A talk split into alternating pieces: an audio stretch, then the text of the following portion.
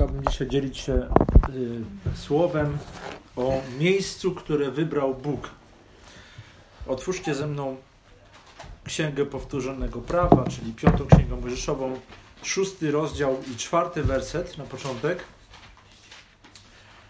W Piątej Księdze Mojżeszowej 6.4 czytamy słowa, które y, zwykle każdy Żyd obudzony w nocy może wyrecytować jeszcze półprzytomny.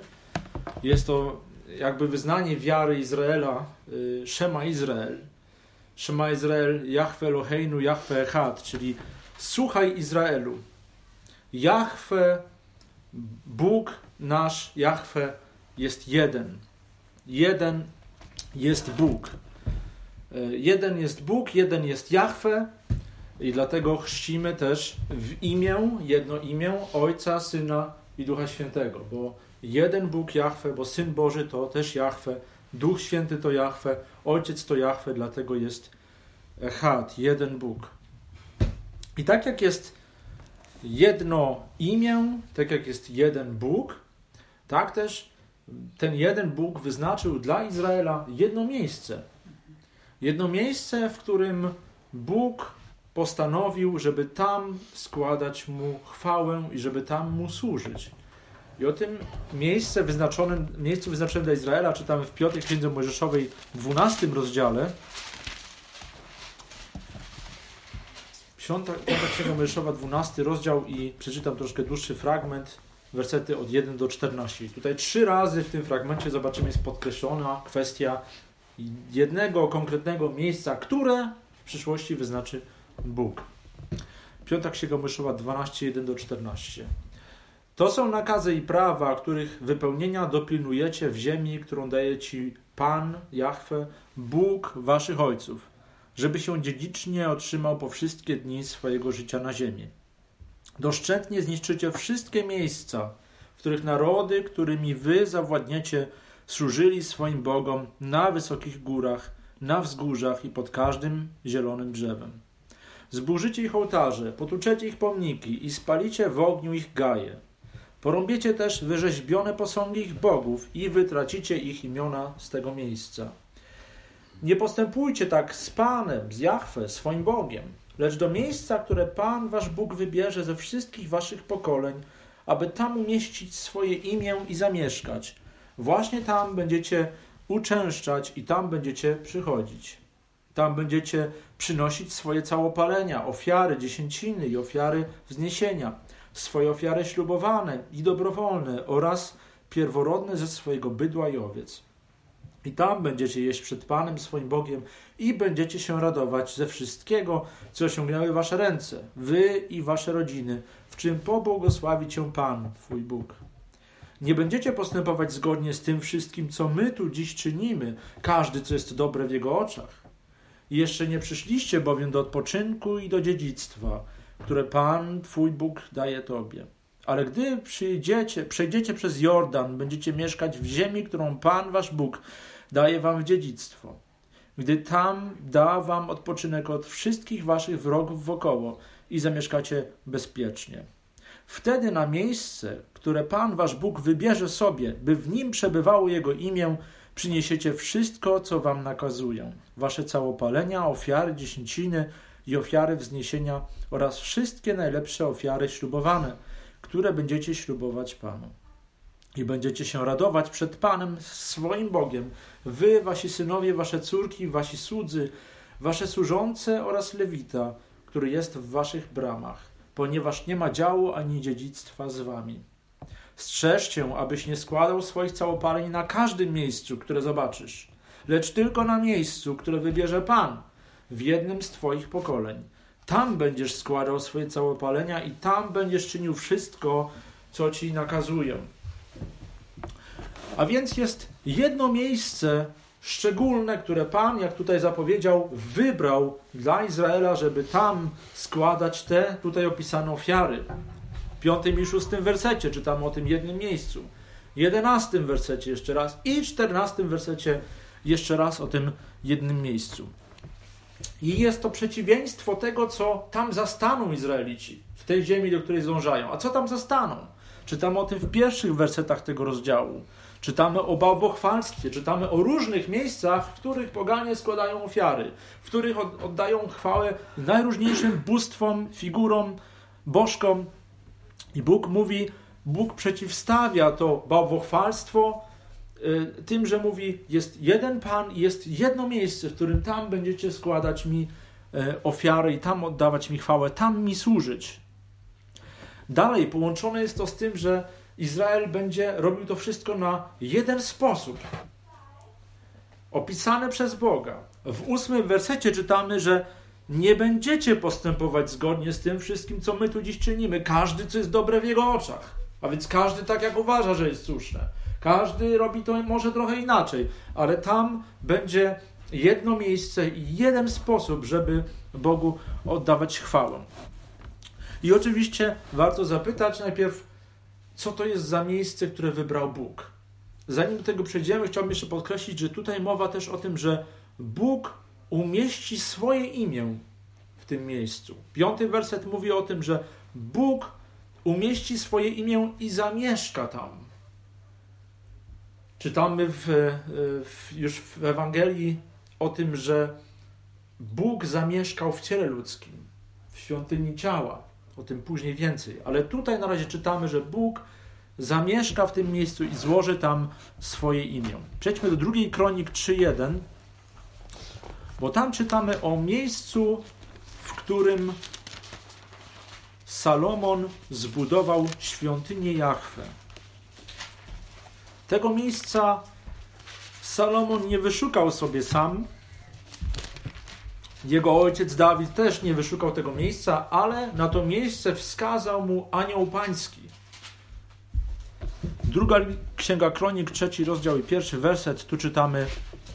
Wtedy Salomon zaczął budować dom Pana, dom Jahwe w Jerozolimie na górze Moria, która została wskazana Dawidowi jego ojcu na miejscu, które Dawid przygotował na krepisku Ornana Jebuzyty to wydarzenie, o którym czytamy, te wskazanie Dawidowi tego miejsca przez anioła pańskiego, o tym jest mowa w pierwszej księdze Kronik 21. Tam anioł pański wskazuje Dawidowi na te jedno konkretne miejsce. Dawid kupuje to miejsce od tego Jebuzyty i tam rozumie, że tutaj jest to miejsce, gdzie ma zbudować ołtarz i tu ma powstać świątynia pańska. I te miejsce, na, tutaj jest napisane, jest na górze Moria. Góra Moria, czy wzgórze Moria, to jest to miejsce, gdzie ma powstać świątynia Boża. I Moria znaczy wybrane, czy wybrany przez Boga. Wybrane przez Boga. Przed chwilą czytaliśmy w piątej księdze Mojżeszowej, że będzie to miejsce, które, które wybierze Bóg. I tutaj czytamy, że ta góra nazywa się Moria, wybrana przez Boga. Co to za miejsce? Jest to szczególne miejsce, bo pierwszy raz o tym miejscu, o tych terenach górzystych czytamy w pierwszej księdze Mojżeszowej, w 22 rozdziale. Miejsce, które wybrał Pan, jest też miejscem, które wybrał Pan na szczególne wydarzenie, które rzuca światło prorocze na najważniejsze wydarzenie we wszechświecie. Przeczytajmy pierwszą księgę Mojżeszową, księgę rodzaju, 22 rozdział i pierwsze dwa wersety. Po tych wydarzeniach Bóg wystawił Abrahama na próbę i powiedział do niego: Abrahamie, a on odpowiedział: Oto jestem. I Bóg powiedział: Weź teraz swego syna, twego jedynego, którego miłujesz, Izaaka, idź do ziemi Moria i tam złóż go na ofiarę całopalną na jednej górze, o której ci powiem. Tutaj też Bóg wyznacza jedno miejsce, wyznacza to, to jest to ta sama okolica. Niektórzy mówią, że to ta sama góra, gdzie powstała świątynia. Nie wiem, czy tak jest, ale na pewno jest ta sama okolica górzysta, te same, nie wiem, wzgórze, y, na którym Bóg wyznacza i mówi: W tym miejscu, Abrahamie, złożysz swojego jedynego syna Izaaka na, na ofiarę. Jest to miejsce niesamowite, jak i same wydarzenie jest niesamowite. I tam Izaak niesie drewno, e, idzie ze swoim ojcem Abrahamem. On niesie drzewo na to miejsce, żeby tam sam zostać złożonym w ofierze. O czym on akurat jeszcze nie wie. Tak i później w tych samych okolicach inny ojciec złoży innego syna jako jedną, jedyną ofiarę, która może zgładzić jedynie grzech. Oczywiście tutaj ktoś hamuje Abrahama, mówi nie rób tego, nie składaj swojego syna i Bóg sam przygotowuje ofiarę. Zwierzę niewinne jako ofiarę. Więc mamy tu kolejny obraz proroczy ofiary, która jest niewinna, którą przygotowuje Bóg i ją daje. Ale mamy też obraz Abrahama, ojca, który składa swojego jednorodzonego, swojego jedynego syna wybranego, syna obietnicy, on tam składa go w tym miejscu.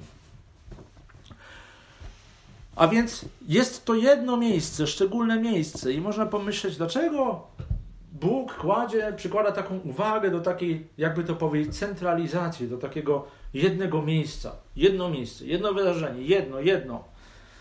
Jaka jest alternatywa dla tego miejsca? Spójrzmy najpierw jeszcze o, o, na modlitwę Salomona, kiedy modli się on e, przy, przy budowie świątyni, przy otworzeniu świątyni. I on wymienia tam całą ludzkość, można powiedzieć. Modlitwa Salomona, druga księga Kronik, szósty rozdział.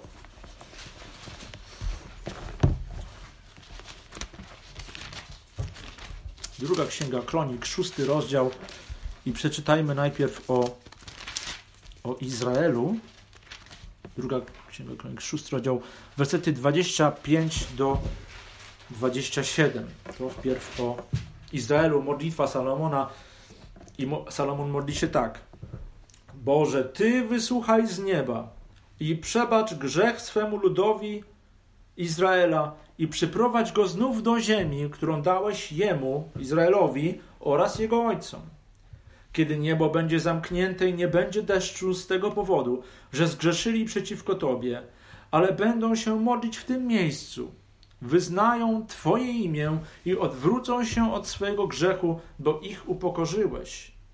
Ty wysłuchaj z nieba i przebacz grzech swoich sług i swojego ludu Izraela, gdy nauczysz ich dobrej drogi, po której mają kroczyć. I ześlij deszcz na swoją ziemię, którą dałeś swemu ludowi w dziedzictwo. Jest to poniekąd nawiązanie do tego, co czytamy w piątej księdze Mojżeszowej o błogosławieństwach i przekleństwach. Bóg mówi, jeśli będziecie mi nieposłuszni do Izraela, będą nad wami przekleństwa. Na przykład deszczu, urodzaju nie będzie. I tak tutaj 26 werset mówi, jeśli zgrzeszą przeciwko ciebie, nie będzie deszczu, ale będą pokutować, to daj deszcz, to znów sprowadź ich na tą ziemię, to znów błogosław Izrael, znów błogosław twój lud. Ale Salomon modli się też o nieżydów. I czytamy dalej w 32 i 33 wersecie takie słowa również i cudzoziemca, który nie jest z Twojego ludu Izraela, a jednak przyjdzie z dalekiej ziemi przez wzgląd na Twoje wielkie imię, na potężną rękę i wyciągnięte ramię, gdy przyjdzie i będzie się modlić w tym domu. Ty wysłuchaj z nieba, z miejsca swojego zamieszkania i uczyń wszystko, o co ten cudzoziemiec będzie do Ciebie wołać, aby wszystkie narody ziemi poznały Twoje imię i bały się Ciebie tak jak Twój lud Izraela, i aby wiedziały, że Twoje imię jest wzywane nad tym domem, który zbudowałem. Zwróćcie uwagę też na ciekawą rzecz. Salomon już tutaj mówi o cudzoziemcach, już tutaj mówi o ludziach, którzy nie są Żydami, ale którzy y, do tego samego Boga się modlą. Do tego jednego, do tego, który w tym miejscu postanowił złożyć swoje imię. Druga rzecz, która jest tutaj przykuwa moją uwagę, to jest to, że sam Salomon tutaj, mając przed oczami świątynię, mając tą chwałę świątyni przed oczami, modli się, mówiąc: Miejsce Twojego zamieszkania, 33 werset, ono jest w niebie. Boże, Ty wysłuchaj z nieba, z miejsca Twojego zamieszkania. A więc on mówi: Bo Panie, Ty mieszkasz tam, jak Cię mógł zmieścić taki budynek? A jednak to, co zrobił Syn Boży, to zstąpił on z nieba, z miejsca swe, swojej chwały i wszedł w ciało ograniczone zwykłego człowieka. A więc i tutaj e, Syn Boży woła do Ojca, który jest w niebie, mówi przyznaj się do, do, do tego, on, Ojciec składa świadectwo o Synu z nieba i mówi tak, to jest Syn mój, Syn mój umiłowany. Jaka jest alternatywa, czy inaczej, jaka była alternatywa do jednego miejsca? No bo dalej przykuwa moją uwagę to jedno miejsce, jeden Bóg, jedno miejsce. Jaka jest alternatywa? Mówiliśmy o tym, że poganie mieli wyżyny, czy świątynki, jak niektóre tłumaczenia, świątynki czy wyżyny i tam, e, tam odbywał się kult, tam były składane ofiary. I Izrael, no niestety też miał świątynki, też miał miejsca, na których była oddawana chwała komu? Czy zawsze była tam oddawana chwała bożkom? Niekoniecznie. Były czasy, w których Izrael w różnych miejscach po prostu oddawał chwałę Jahwe, tak jak mniemał, że trzeba to robić. Ale tym bardziej w takiej sytuacji można by było powiedzieć: Panie Boże, gdzie jest problem? Nie musi iść do Jerozolimy, może tutaj Izraelita sobie pójść na wzgórze gdzieś tam i tam złożyć ci ofiarę. Po księgach królewskich i księgach kronik zauważamy, że Boża uwaga jest przykuta do, do tych wyżyn, do tych świątynek. Że Bóg przy każdym królu, wystawiając mu świadectwo, zwraca uwagę na, na wyżyny, na świątynki. I bardzo rzadko zdarza się, że jakiś bardzo pobożny król, bardzo gorliwy król burzy te świątynki, burzy te wyżyny. Oczywiście, kiedy burzy je, w tym momencie coś się zmienia. W tym momencie już pewni ludzie muszą wziąć na siebie trud i pójść w jedno konkretne miejsce do Jerozolimy. Spójrzmy na dwóch takich królów. Na jednego, który jest pobożny, ale nie burzy, na drugiego, który jest pobożny i burzy te miejsca. Może najpierw o królu Asie, król Asa, pierwsza księga królewska 15:4.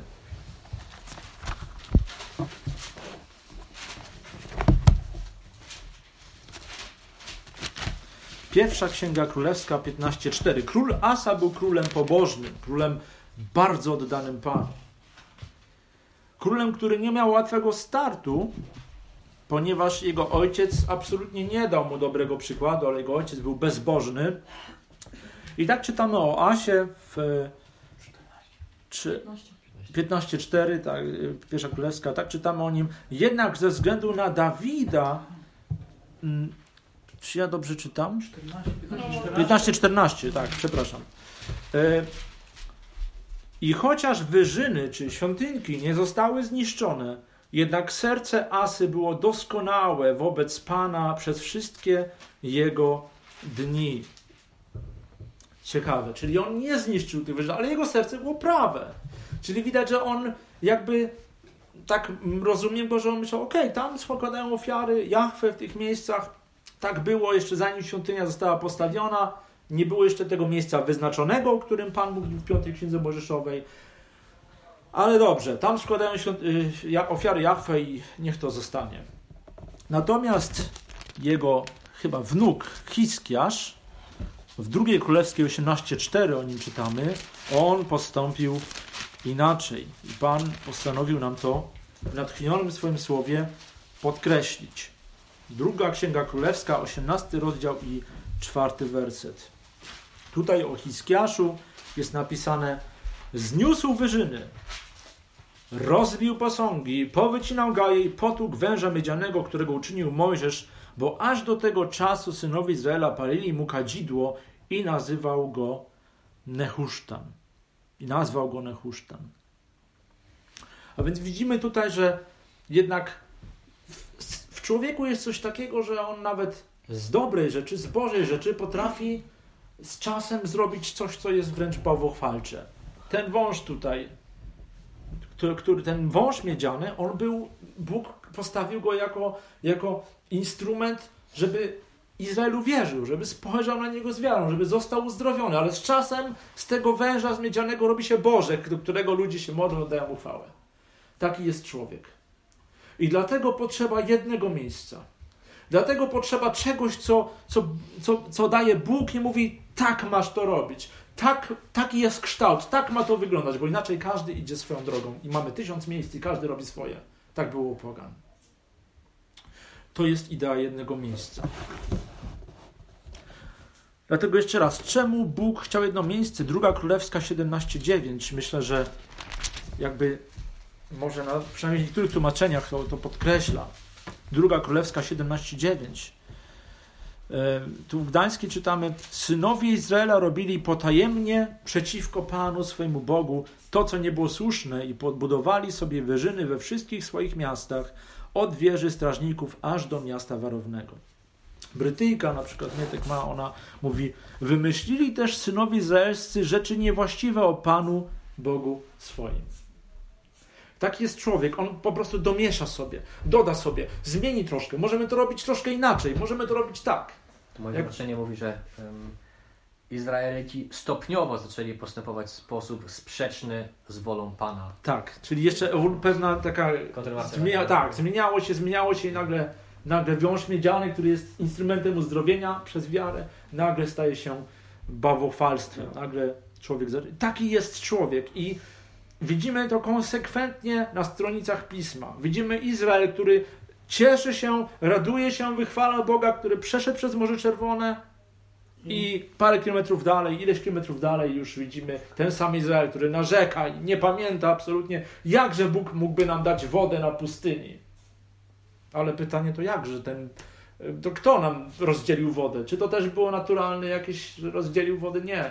Także taka jest pamięć człowieka i coś się, jest takie niebezpieczeństwo, że coś się zaciera i coś się zmienia. Tam- Także, przepraszam? Przepraszam, a tam w Egipcie tak dobrze, warzywa, czosnek, to, tam było dobrze. Wracamy. Tak. Dokładnie, krótka pamięć, nie? Ale już ciemięscy, który biczem lał w- w plecy, tego już nie Ja. pamięta.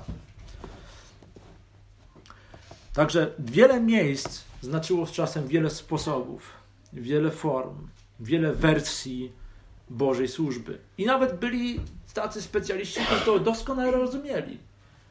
Którzy mówili, król, który już po podziale na, na Judę i Izrael, już po podziale za, za syna Salomona, była też taka sytuacja, że jeden król pomyślał izraelski, no to ja muszę im postawić coś tutaj na północy, żeby oni nie pielgrzymowali na południe do Judy, do Jerozolimy i w ten sposób zachowam swoją władzę. Żeby nie było tak, że w jednym miejscu będą oddawać chwałę Bogu, ja tam im coś postawię i tam będą oddawać chwałę Bogu. Także kontrast do tego jednego miejsca to jest właśnie wiele miejsc i to, co mi się podoba, jak czytaliśmy w 5 Mojżeszowej 12:8. Każdy na swój sposób, ale Pan wybrał jedno miejsce, żeby tam złożyć swoje imię, czytaliśmy. I w Torze czytamy też o aniele pańskim, w którym jest Boże imię. O wysłanniku pańskim, w którym jest Boże imię.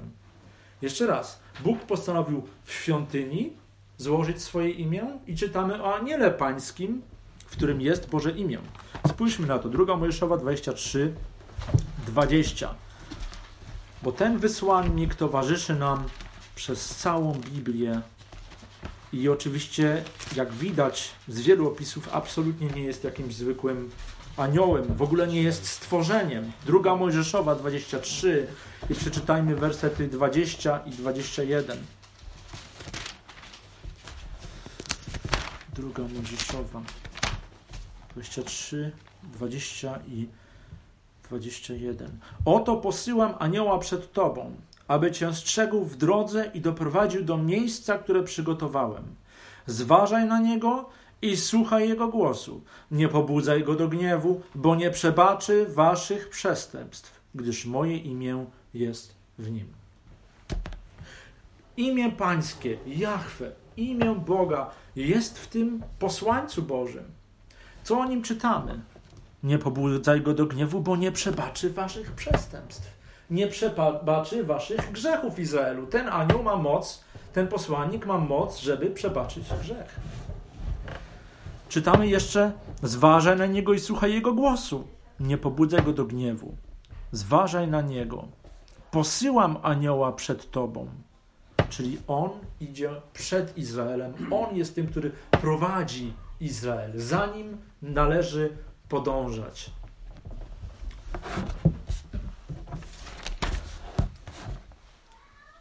Dla wszystkich ludzi dzisiaj jest jedno wybrane przez Boga miejsce, w którym Bóg złożył swoje imię. Miejsce, mówię w cudzysłowie, Oczywiście Słowo Boże mówi o świątyni, która stanie w tysiącletnim królestwie. To też będzie jakieś jedno konkretne fizyczne miejsce, do którego ludy będą pielgrzymować, jak czytamy. Ale w innym sensie jest jedno miejsce i powiedziałbym jedno imię, do którego każdy człowiek powinien się uciec, do którego każdy człowiek powinien się udać, w którym jedynie jest ratunek i zbawienie. I tylko On jeden odpuszcza grzechy. Za nim jedynie mamy podążać.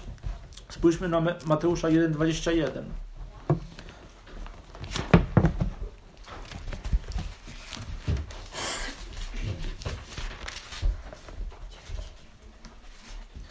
Mateusza 1,21 e, brzmi e, bardzo konkretnie, jeśli rozumiemy, co znaczy imię Jezus. Imię Jezus znaczy, wymawia się mniej więcej po hebrajsku Jeszua i to znaczy mniej więcej tyle, co Jahwe jest zbawieniem, czy Jahwe zbawia. I kiedy tak, z taką wiedzą przeczytamy ten fragment, to on brzmi tak. I urodzi, Maria urodzi syna, któremu nadasz imię Jahwe zbawia. On bowiem zbawi swój lud od jego grzechów. Nazwiesz go Jahwe zbawia, bo on sam zbawi lud swój. Jest to jego lud i on sam go zbawi, bo tylko on może to zrobić i on jest w stanie odpuścić grzech ludowi. Jak anioł pański jest napisane, on jedynie przebaczy grzech. Nie ma innego, który mógłby to, to uczynić. Także On jest tym, który odpuszcza. On jest tym, którego wybrał Bóg. Mateusza 12:18. Jest to Jego Syn umiłowany. I Mateusza 12:18 mówi Oto mój sługa, mówi Ojciec, którego wybrałem, mój umiłowany, w którym moja dusza ma upodobanie. Złożę na nim mojego ducha, a on ogłosi sąd narodom. To jest mój sługa, mówi Bóg, którego wybrałem tak jak było na świątyni miejsce, było, było miejsce wybrane. Było miejsce wybrane, gdzie Abraham miał złożyć swojego syna. Tak i tutaj jest ten, który jest wybrany i w którym Bóg składa swoje imię. To jest ten wybraniec. Jahwe zbawia. Tylko w nim jest zbawienie, o tym wiemy. Dzieje apostolskie 4:12 mówi nam, że nie ma innej drogi, nie ma innej możliwości, żeby otrzymać przebaczenie swoich grzechów, odpuszczenie swoich win. Tylko On odpuszcza. Dzieje apostolskie 4:12 i nie ma w nikim innym zbawienia. Nie ma bowiem pod niebem żadnego innego imienia danego ludziom, przez które moglibyśmy być zbawieni. Tylko imię Jezus, tylko Syn Boży, tylko On może zbawić. Nie ma innego imienia. 1 Tymoteusza 2,5 mówi nam dalej o tej cudownej, dla nas oczywistej, ale cudownej prawdzie. 1 Tymoteusza 2,5 mówi: Jeden bowiem jest Bóg, jeden też pośrednik między Bogiem a ludźmi, człowiek Chrystus Jezus. Dlaczego to jest takie ważne? Co to ma wspólnego z jednym miejscem? Jest jeden Bóg i jest jedno miejsce zbawienia. Jest, jedno, jest jedna Golgota, gdzie jest Chrystus ukrzyżowany, gdzie jest jedyna droga do Ojca przez krzyż, jedyna droga przez Syna, żeby otrzymać zbawienie. Nie ma innego Ojca, nie ma innego Syna, nie ma innej drogi. Ale mamy ludzi, którzy dostępują zbawienia i uważają, że później jednak jest miarę w wielu sprawach wiele dróg, wiele sposobów. Widzimy koncerty tutaj Arek podesłał nam przestrogę ku przestrodze, coś, co ludzie nazywają uwielbieniem. Mają dyskotekę i mówią, że to jest uwielbienie. I pytanie, czy to jest uwielbienie? Gdzie jest granica? Kto nam powie, czy to jest już, czy to jest jeszcze uwielbienie, czy to już jest rozpusta? To są ciekawe pytania. Możemy na pewno powiedzieć, że jest jeden ojciec, jeden pośrednik, jedna droga. Ale co dalej? Czytaliśmy o aniele pańskim, który nosi imię Boże, że za nim Izrael miał podążać. I miał to robić w bojaźni, wiedząc, że jeśli nie będzie tego robił, nie będzie za nim podążał, to on nie przebaczy grzechów. Syn Boży mówi: że on jest wierny. On siebie samego zaprzeć się nie może. Ale to nie znaczy, że on, że my się go zaprzemy, a on wtedy i tak się nas nie zaprze. Tylko to znaczy, że jak my się go zaprzemy, to on pozostaje wierny swojemu słowu. I mówi, kto mnie wyzna przed ojcem, tego ja wyznam. Znaczy, kto mnie wyzna, przepraszam, kto mnie wyzna przed ludźmi, tego ja wyznam przed ojcem. Ale kto mnie nie wyzna, to ja nie mogę zaprzeć się swojego słowa i pozostaję wierny. Ja też zaprę się go przed ojcem. A więc z wielką bojaźnią podążamy za Chrystusem ukrzyżowanym, za tym, który w tym jednym miejscu e, niósł krzyż. Jak Izaak niósł drewno, syn wybrany, syn jedno, jed, jedyny, tak on niesie krzyż, on niesie drewno, które staje się dla niego e, narzędziem morderstwa jego własnym. Za wybrańcem Bożym jedynie mamy podążać jako zbawieni. A więc określa to nie tylko moment zbawienia, ale też całą drogę za nim. Całą drogę za nim. Izrael idzie przez pustynię za obłokiem, idzie za słupem ognia. Nie może pójść w lewo, nie może pójść w prawo, musi iść za kierunkiem wytyczonym przez Boga. I w Efezjan 4 rozdziale czytamy o tym, że wzrastamy w Niego, że Pan Jezus jest tym, za którym podążamy, tym, do którego się upodabniamy, głową, tym, który jest naszym królem. Efezjan 4 e, dużo mówi o jedności.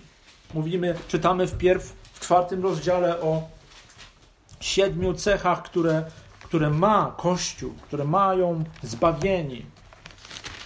I dalej od wersetu 15 do 24 Czytamy o wzrastaniu w tego, który jest głową i dalej o tym też, czego mamy się przestrzegać. Lecz będąc szczerymi w miłości, wzrastajmy we wszystkim w tego, który jest głową, Chrystusa.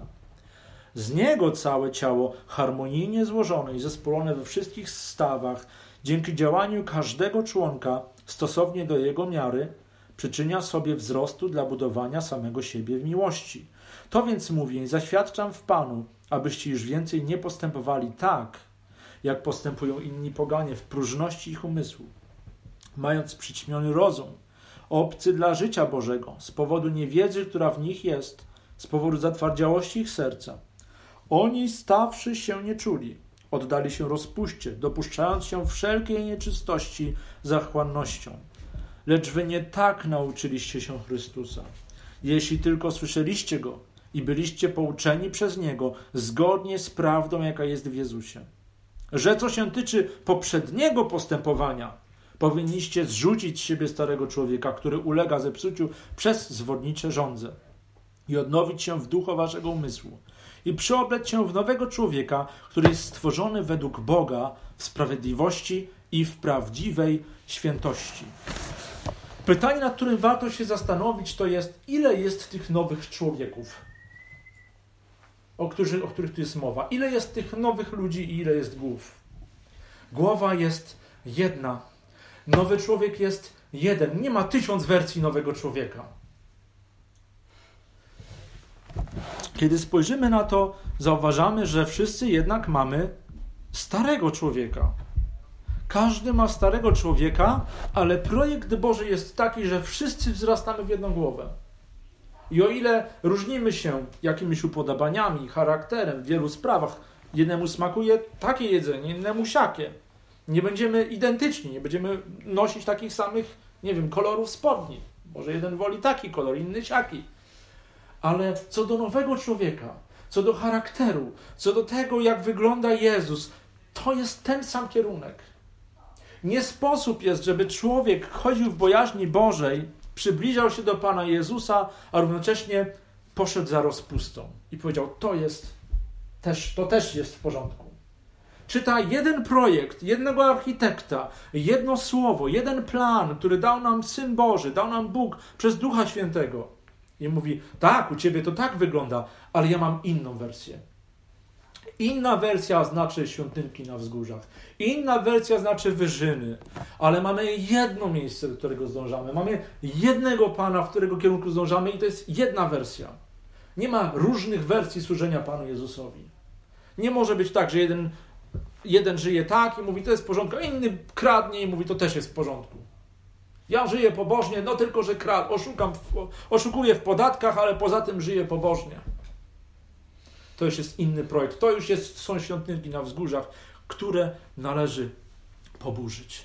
To jest stary człowiek, który, którego należy zewlec, który jest zwodniczy, jak tu jest napisane. Mamy nie robić tego, co mają, robią nie, y, poganie mający przyćmiony umysł, to jest napisane. Tu są te świątynki. Tak jak Izrael wchodził do ziemi Kanan i musiał poburzyć te świątynki, a nie zaadoptować je do swojego życia, przejąć je, dopasować. Wersja chrześcijańska oszukiwania, wersja chrześcijańska y, robienia tego, co mi się podoba. Co mi się podoba, jak mi się podoba. Nie będę chodził do jednego miejsca do Jerozolimy. Ja tu sobie zrobię wyżyny, tu sobie zbuduję świątynki i w ten sposób będę sobie to wszystko załatwiał. A może nawet swojego lewitę sobie ustanowię, swojego kapłana, swojego pastora, który zrobi mi moją wersję chrześcijaństwa, żeby tak robić, jak mi się to podoba. Pastorzy, czy my nie możemy też mieć tu dyskoteki? Czy nie, nam, nam nie wolno wszystkiego? To czemu my nie możemy mieć też takiej wersji chrześcijaństwa?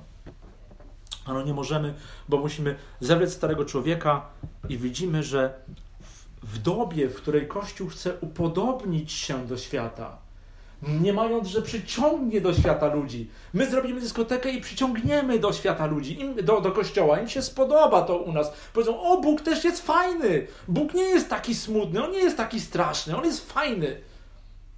A tu czytamy, że to ci poganie, oni postępują w próżności ich umysłu.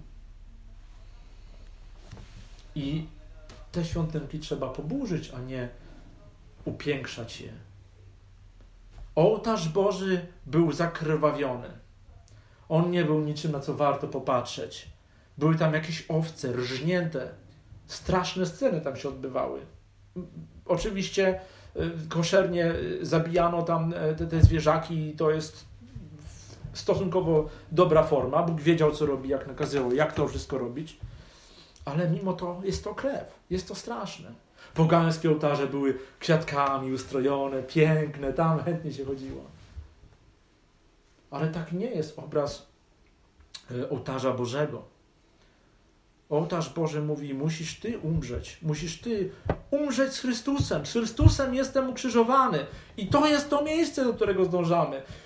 Jest miejsce, gdzie Bóg powiedział: Tu będzie świątynia wzgórze Moria. Tu jest to miejsce, gdzie Abraham składa Izaka. Tu jest to miejsce, gdzie y, ojciec składa syna. I tam jest to miejsce, gdzie z Chrystusem jestem ukrzyżowany.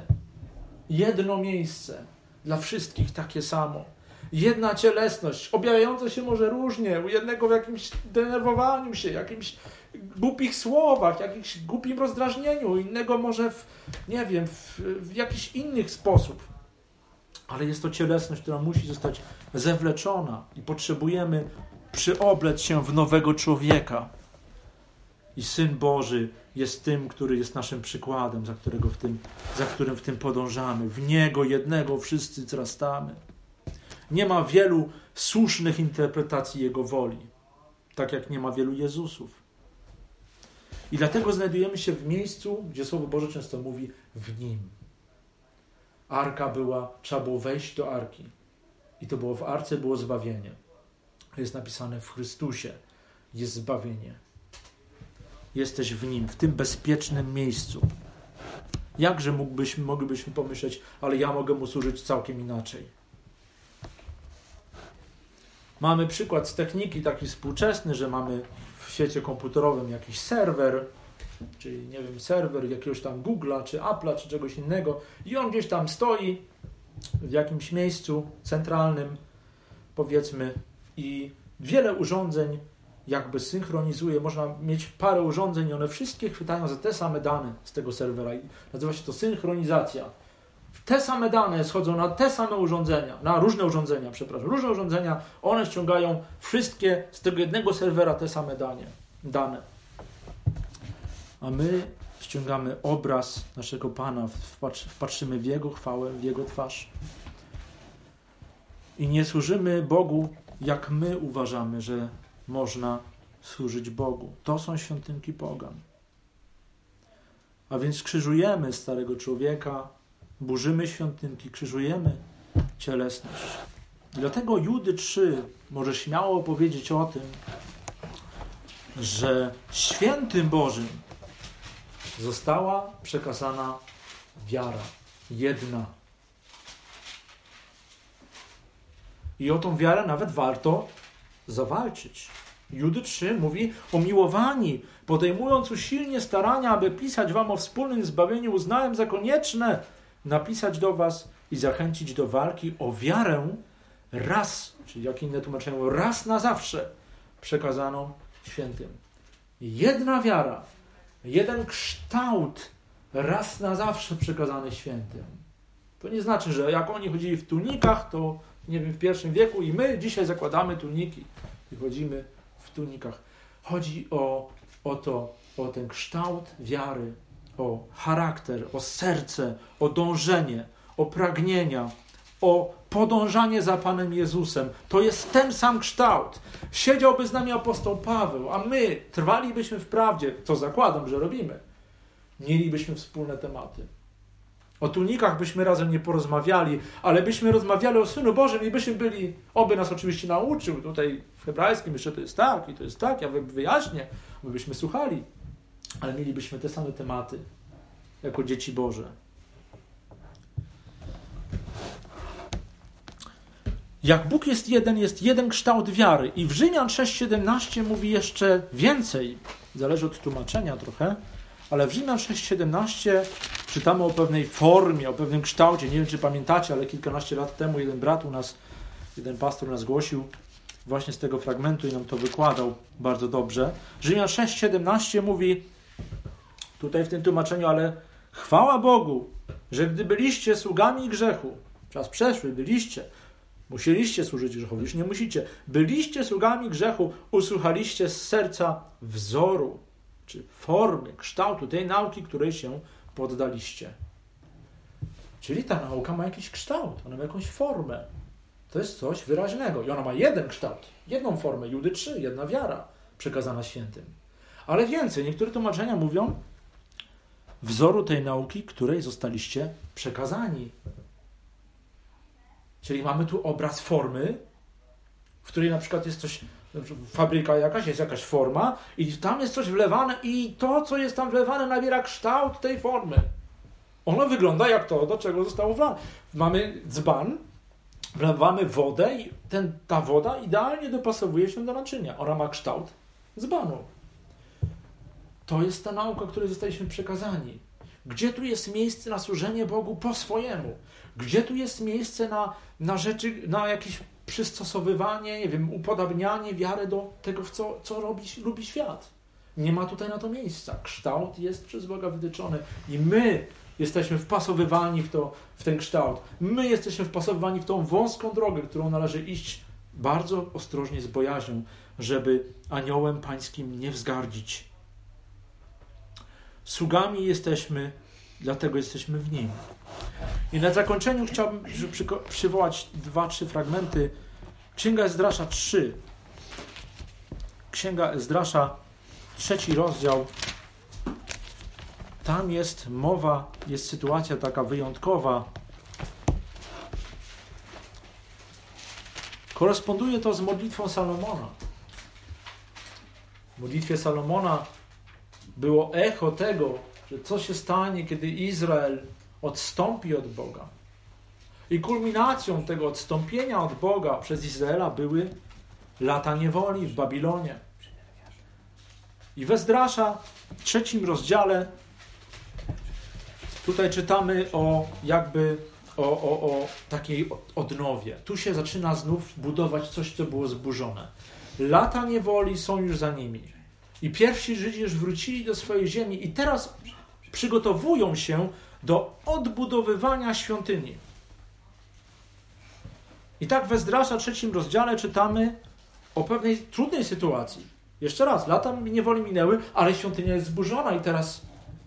Ale oni wiedzą, że Bożym planem jest, że Bożym celem jest, żeby świątynia została odbudowana. Wiedzą, że są w centrum Bożej woli, chociaż zgliszcza po świątyni nie wskazują na cokolwiek dobrego. Ale oni wiedzą, że chcemy odbudować. I 3.3 czytamy o tych Żydach.